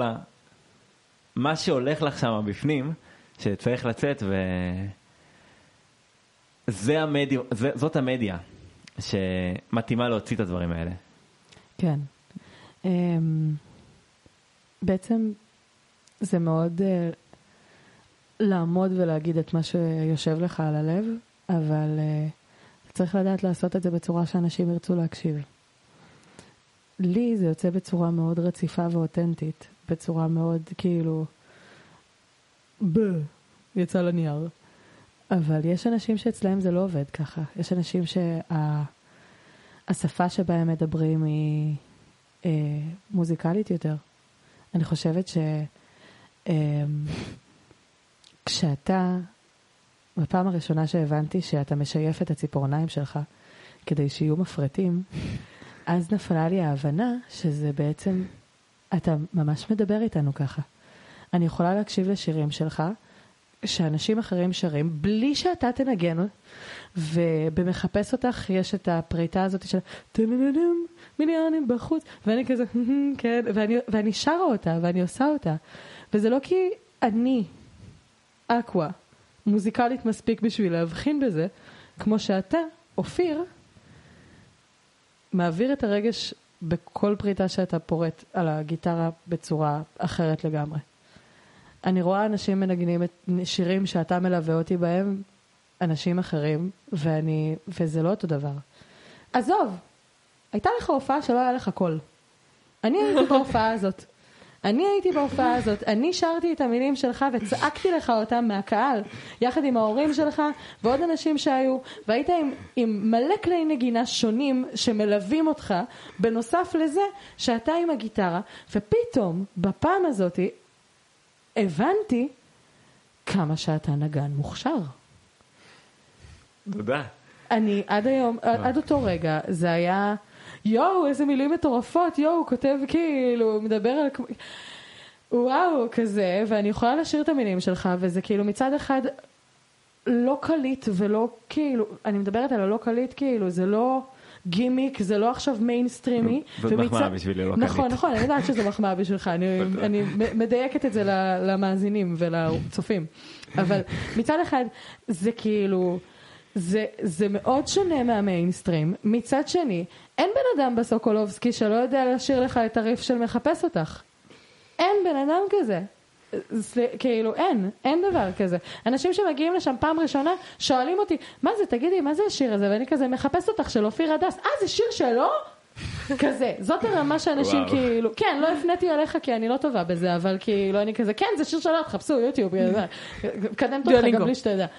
אבל אה, כן, ו- וזה, וזה אחרת, זה הזוי, כאילו וואו. שאנשים, לא, לא, אתה מבין? חושבים שאתה עושה קאבר בעצם לשיר שהוא מקורי שלך, ובעצם זה, זה כל כך מוזר להם שהם לא רגילים שמוזיקה שלא מתפרסמת עכשיו ב... מה שלא נמצא בטיקטוק ומה שלא עכשיו יכול להיות קליט ו-15 שניות של אה, טרלול, ו-15 שניות שבעצם יכול לתפוס לך את זה, וביט כזה מאוד ספציפי, והדברים שבאמת תופסים כאילו, אז שזה, זה אחרת, כי, כי, כי הם מסתכלים ואומרים, וואלה, אנשים שרים את זה, זה קליט, זה זה, אבל הם לא גילו את זה בטיקטוק. הם לא גילו את זה במקום כזה או אחר, הם גילו את זה fucking בצורה הכי, הכי אה, raw, הכי אותנטית, הכי כאילו, הכי שם. רואים אותך פשוט על הבמה. ואני גם אמרתי לך, שכשאני שמעתי את מחפש אותך, את ההקלטה של מחפש אותך, לעומת כששומעת אותך מבצע את זה בלייב, אמרתי לך, אני הייתי בהלם, זה נשמע אחר לגמרי, מה, מה זה, כאילו, מה זה נכון. הבאס הזה ש... נכון שזה, נכון שזה הרבה יותר כיף הגרסאות לייב שלו ל- לשירים מאשר, כן. כן, בעיקר כי כשאתה מעלה את הגרסאות לייב שלך, שומעים אותי שרה. זה הרבה יותר כיף לי. האמת שזה כיף גם ואני לי. מחפש. סליחה. כן, זה, לא- זה גם לא רק מחפש אותך, זה כאילו, וואלה, ליאור, את השבוע עשית שיר שאנשים אחרים בקהל לא, לא היו או לא זכרו את הפעם הראשונה שאת ביצעת אותו, אבל כשאת ביצעת אותו בפעם הראשונה זה היה כשסבתא שלך נפטרה. ואת עלית ואמרת, אני מאוד רוצה לעשות שני שירים הערב, אבל זה שיר שכתבתי במסגרת משימה, ואני, ואני עושה רק אותו, כי מגיע לה. מגיע לי. ואני זוכרת את הרגע הזה שאני כאילו הסתכלתי עליך ואני אומרת לעצמי, וואו, איזה, איזה, איזה טרלול, מה קורה פה? והיום, והשבוע ביצעת אותו שוב, ולא נתת, לא נתת את ההסבר של מה מסביב, ולא היה מה מסביב. ואנשים כאילו, אנשים היו, היו בתוך זה. ואנחנו, אני שומעת את השיר ואני פשוט לא מצליחה לעצור את הדמעות שלי. ואלה היו לא דמעות של עצב, כמו שטעית לחשוב, נראה לי, לפחות כשהיית על הבמה. לא התעצבתי, לא העצבת אותי. אני פשוט ארוך, העדינות, ה... זה הרגיש כמו קיצי. זה הרגיש כמו קיצי כזה בקרקפת, שיורד לצוואר. ועושה לך צמרמורת כזאת בכל הגוף, אבל זה לא, זה לא צמרמורת שהצטמררה רק ב, באור, זה פשוט יוצא לך גם בפ, ב, ב, מהעיניים. ואלה היו דמעות של הצטמררות טובה כזאת, של קיצי, של, של אהבה. ואמרתי לך את זה גם. זה, זה היה מאוד בכי, זה מאוד אהבה, זה מאוד שם, מאוד מורגש, זה מרגש. אני עכשיו עוד פעם בוכה, אבל זה מרגש. זה באמת מרגש. ו, וזה לא, זה לא משהו שאפשר לקחת, את מבינה? כי מצד אחד את יכולה לעשות עכשיו אה, קאברים לאמינם, ואני אסתכל עלייך ואני אהיה כזה, או שיט, נו שיט. ומצד שני, את מראה גם את הרגעים האלה. וכשאת עושה את הריף המסוים הזה שלך, וכולנו יודעים כבר שזה טראומה, כולנו יודעים כבר שזה עומד להגיע, וכולנו כבר מוכנים ומצפים ומחכים. ויש רגעים כאלה שבהם אני אומרת לעצמי כאילו, fucking shit, אשכרה. זאת ליאור שלפני רגע הציקה לי והתנצלה לי, כאילו, שהיא מתנצלת לי על איזשהו משהו פעוט ואיזה fucking rockstar הייתי על הבמה. ורוקסטרית במובן של פרדי מרקורי לא היה צריך עכשיו כל הזמן להסתובב ולרוץ על הבמה. גם הרגעים שבהם הוא ישב מול פסנתר וזה היה רק הוא והפסנתר זה היה fucking מטורף. וזה מה שאני מנסה לומר, זה ש... זה לא חייב להיות הפיצוץ המטורף הזה, כמו שהשקט שלך ממגנט. וה... ההוויה שלך, עצם היותך, זה פשוט את. זה לא משהו שמתיימר להיות עכשיו פיצוץ גדול. זה לא משהו שמתיימר להיות עכשיו משהו שהוא לא. זה מאוד עדין, זה מאוד רך, זה מאוד צובט לפעמים, אבל מלו, מלווה ב, ב, ב, בליאור. זה לא שזה מרגיש, גם בשירים אחרים שלך, כמובן שאני מדברת על מכלול שלך כיוצרת, כן? אבל זה לפעמים מרגיש שיש אנשים שכל כך מנסים להתאים את עצמם לאיזה שהם קטגוריות מסוימות, וכשאת לא עושה את זה, זה פשוט נהדר. זה פשוט מדהים, באמת. זה, את, את לא אומרת מילה ומסתכלת עליי עכשיו במבט בוחן, אבל זה באמת מדהים, ליאור. לא כל המבט שלי הוא מבט בוחן, אני לא הכל. יודעת, חצי מהפנים שלך מוסתרות לי על ידי מיקרופון, אז אה, אוקיי, סבבה. אוקיי, אני רואה את הפנים עכשיו. אבל אה, כן, את מבינה? זה, זה אחר. ואני נגיד, את הרכות הזאת, את הרוך הזה, אני מרגישה שאין לי את הלמגנט אנשים כשאני עושה את זה קטן. את מאוד מאוד מאוד טועה. את מבינה שזה הכל סובייקטיבי והכל עניין של הרגשה? כן? אני, אני לא אמרתי שלא. בחזרה למה שדיברנו קודם על מה שעשית השבוע, כאילו עוד כמה כאלה פתאום תראי וואו, יש לי אפילו יותר מזה, ופתאום שנייה של שקט לגמרי, כאילו כן. לדעתי את עוד לא יודעת את זה, אבל יש לך את זה, לגמרי, כאילו. כן. אה, יכול להיות. יכול מאוד להיות. אה, עם זאת, אני... אני מאוד מגלה את עצמי מחדש כל פעם. מהמקום של אני לא מוכנה לשיר נמוך, אני לא מסוגלת לשלוט בזה, ל...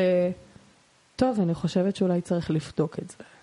אם אני לא מסוגלת, אולי אני צריכה לראות דרך אחרת לעשות את זה. וזה מאוד, אה, זה מאוד מקדם, זה מאוד נחמד.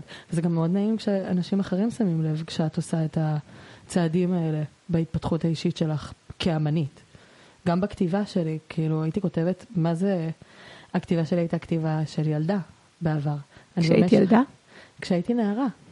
ובמשך כמעט עשור לא כתבתי. תשע שנים, שמונה שנים, משהו כזה, לא כתבתי. ו- וחזרתי לכתוב ממש עם, עם הפואטרי, אבל זו הייתה אחרי הפסקה ענקית, ענקית. ו- וזה מוזר, זה כמו שנתת את המשל של הפיל, אז באמת, זה, זה מוזר לי לחשוב שאני כאילו, מה? אני הייתי הפיל הזה כל הזמן? כל פעם שאני משתחררת מעוד דבר כזה, אני כזה, מה? מה? אני? fucking shit, כאילו, מה קורה פה? אני פחדתי לעשות... מה לעזאזל? מי, מי יצר לי את המגבלות האלה במוח? ואז אני מבינה שזאת אני. אני יצרתי אותן. וזה כי כשהייתי קטנה יותר שמעתי אנשים מדברים על השירה שלי ועל איך זה נהדר שאני מצליחה לסלסל ולעלות לגבוהים ואף פעם לא טרחתי להתמקד בנמוכים שהם היו החולשה שלי. וכל דבר כזה זה פשוט, לא יודעת, זה, זה נחמד, זה, זה כאילו, מכירים את ההרגשה הטובה הזאת של לסמן וי על מטלה? אז אפילו כן. לא ידעתם שיש לכם מטלה. וקיבלתם את המטלה, את, העוב, את ההבנה שיש מטלה יחד עם אבי. ופתאום זה כזה, אה, וואו, הצלחתי. מה? וואו. ניסיתי? כנראה שכן. אפילו לא ידעתי שניסיתי. וכשהדברים האלה קורים לי, אז אני, אז אני אומרת כאילו, איזה מטורף זה. אני, במודע שלי, לא עושה את הדברים האלה. התת מודע שלי הוא זה שלוקח לשם. הוא זה שמכוון אותי, הוא זה שמדריך, לוקח ועושה את שלו, נגיד את זה ככה. וזה זה מדהים, זה מדהים בעיניי. גם בפואטרי, כאילו, אני מוצאת את עצמי מערב לערב, מליין לליין, מאירוע לאירוע, מליין לליין אמרתי, מ... מ... כן. מערב לערב ומאירוע לאירוע. אני מוצאת את עצמי אה, פשוט גם משפרת את היכולות הנחיה שלי, גם משפרת את היכולת תפיסת קהל שלי ולרכז אותו בבן אדם שהוא לא אני. אני בן אדם שרגיל לקבל את כל תשומת הלב אליו. איזה מוזר זה פתאום לשחרר ולהגיד, תנו, זה, תרימו ל... ככה וככה.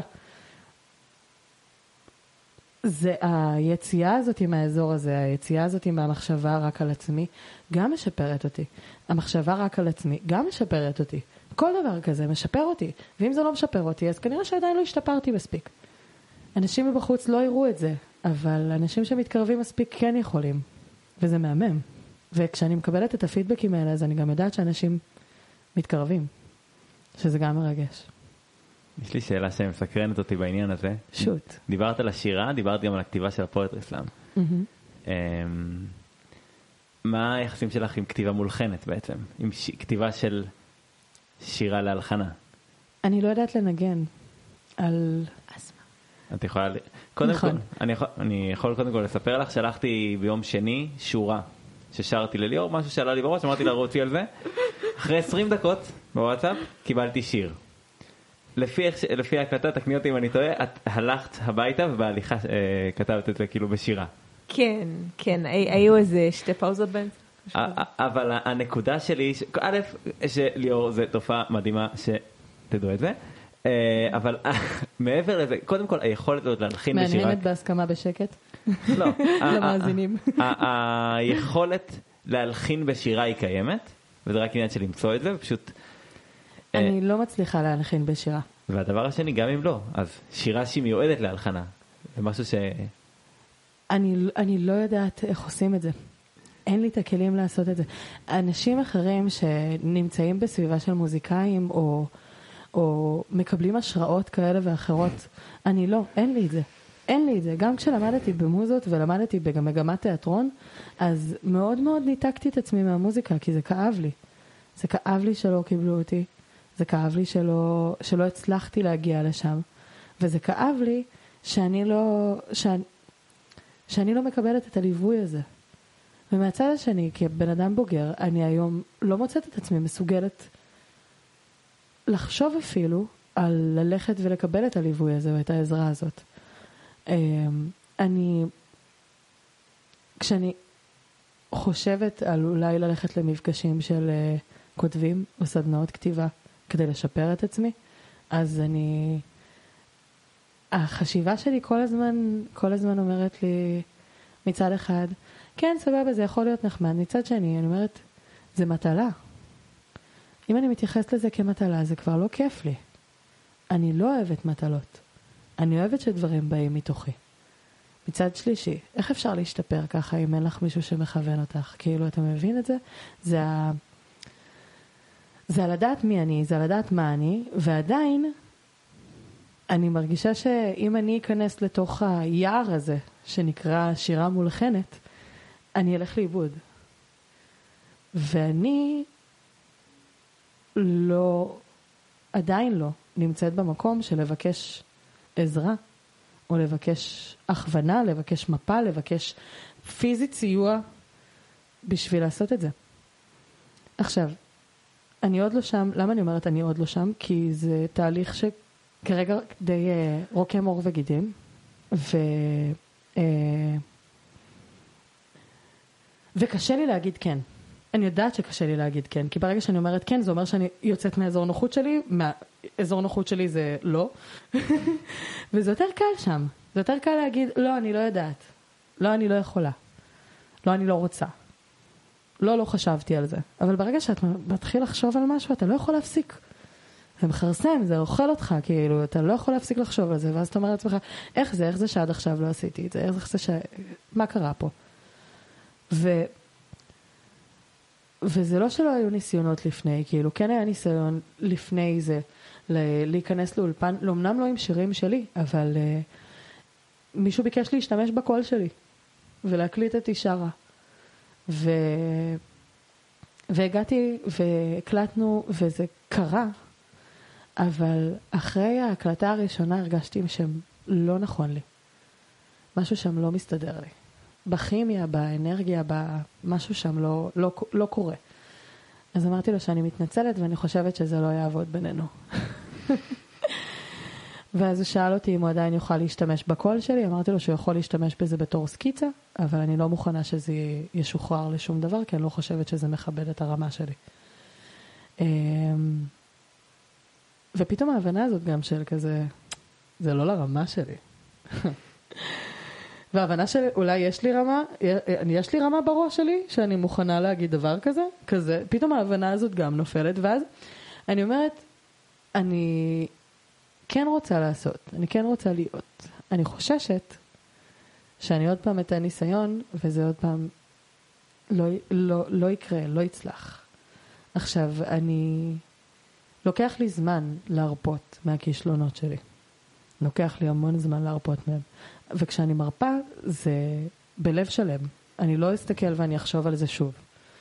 אני צריכה את כל הזמן שבעולם כדי לאבד את מה אני מרגישה, את, ה... את ההרגשה הזאת של, ה... של הכישלון. ואז זה כזה, אוקיי, סבבה, אז נכשלתי. אז בוא נתקדם, בוא נראה מה עושים הלאה.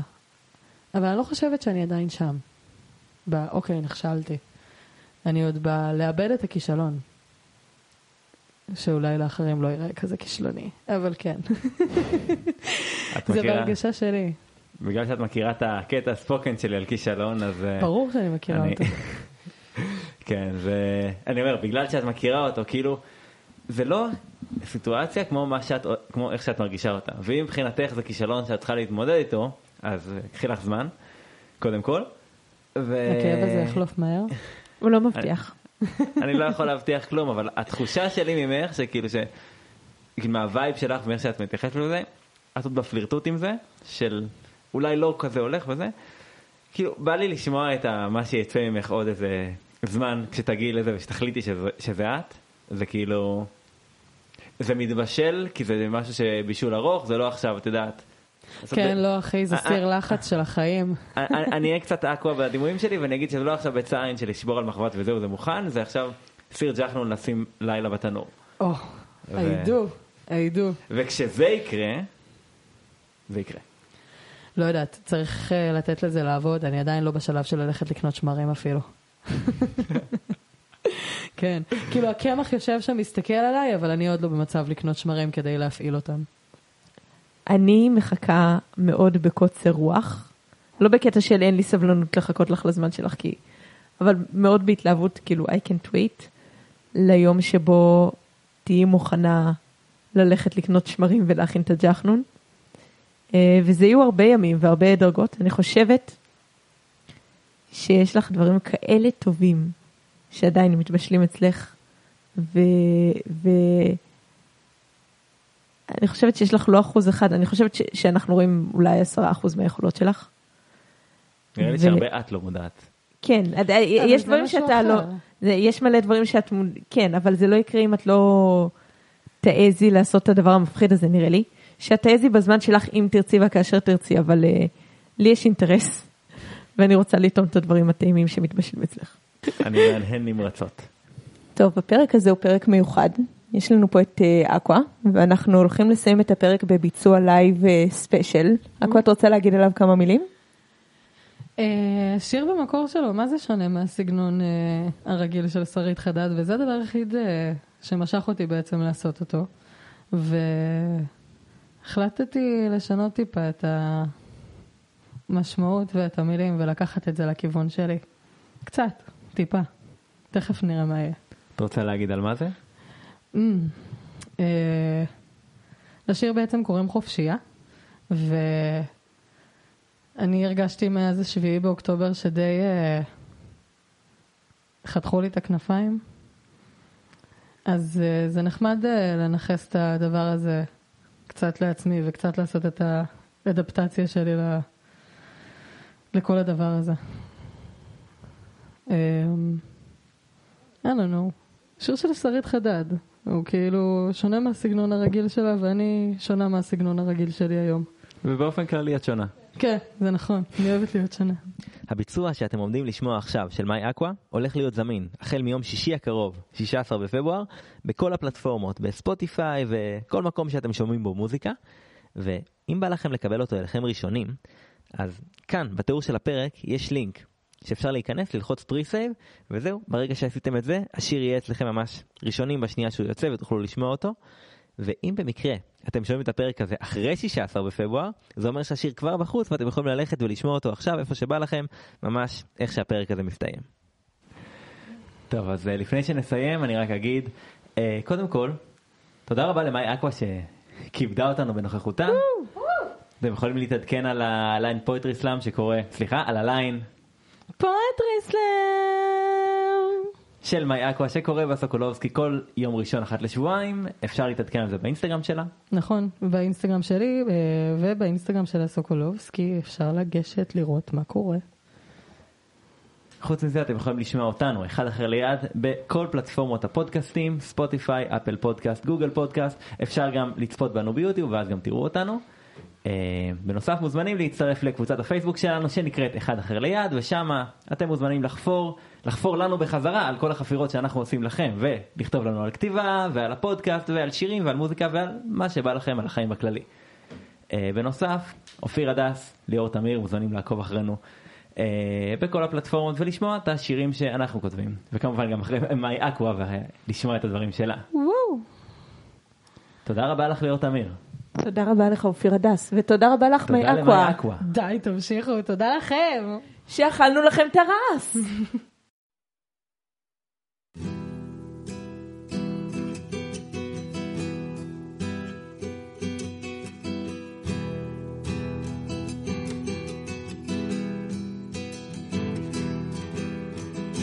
עכשיו כשפתחו את הדרך אל הים, אני רוצה להצטרף אל כולם וללכת בלעדיך. אני רוצה להתעטף בכל הבגדים שלא לבשתי שנים, לפתוח לרווחה, לשמחה ולצרוח רוצה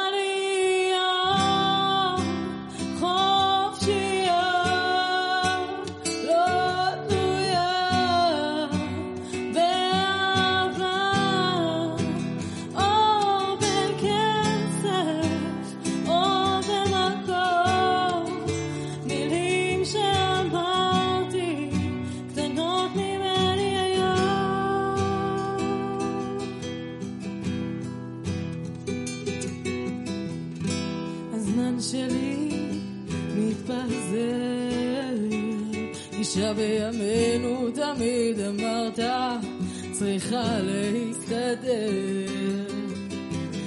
ואם יש לי על מה להצטער, זה רק על זה שלא עשיתי את זה מוקדם יותר. או, שלא הסתכלתי לך בעיניים, איך לא העזתי להגיד לך, אני ממשיכה.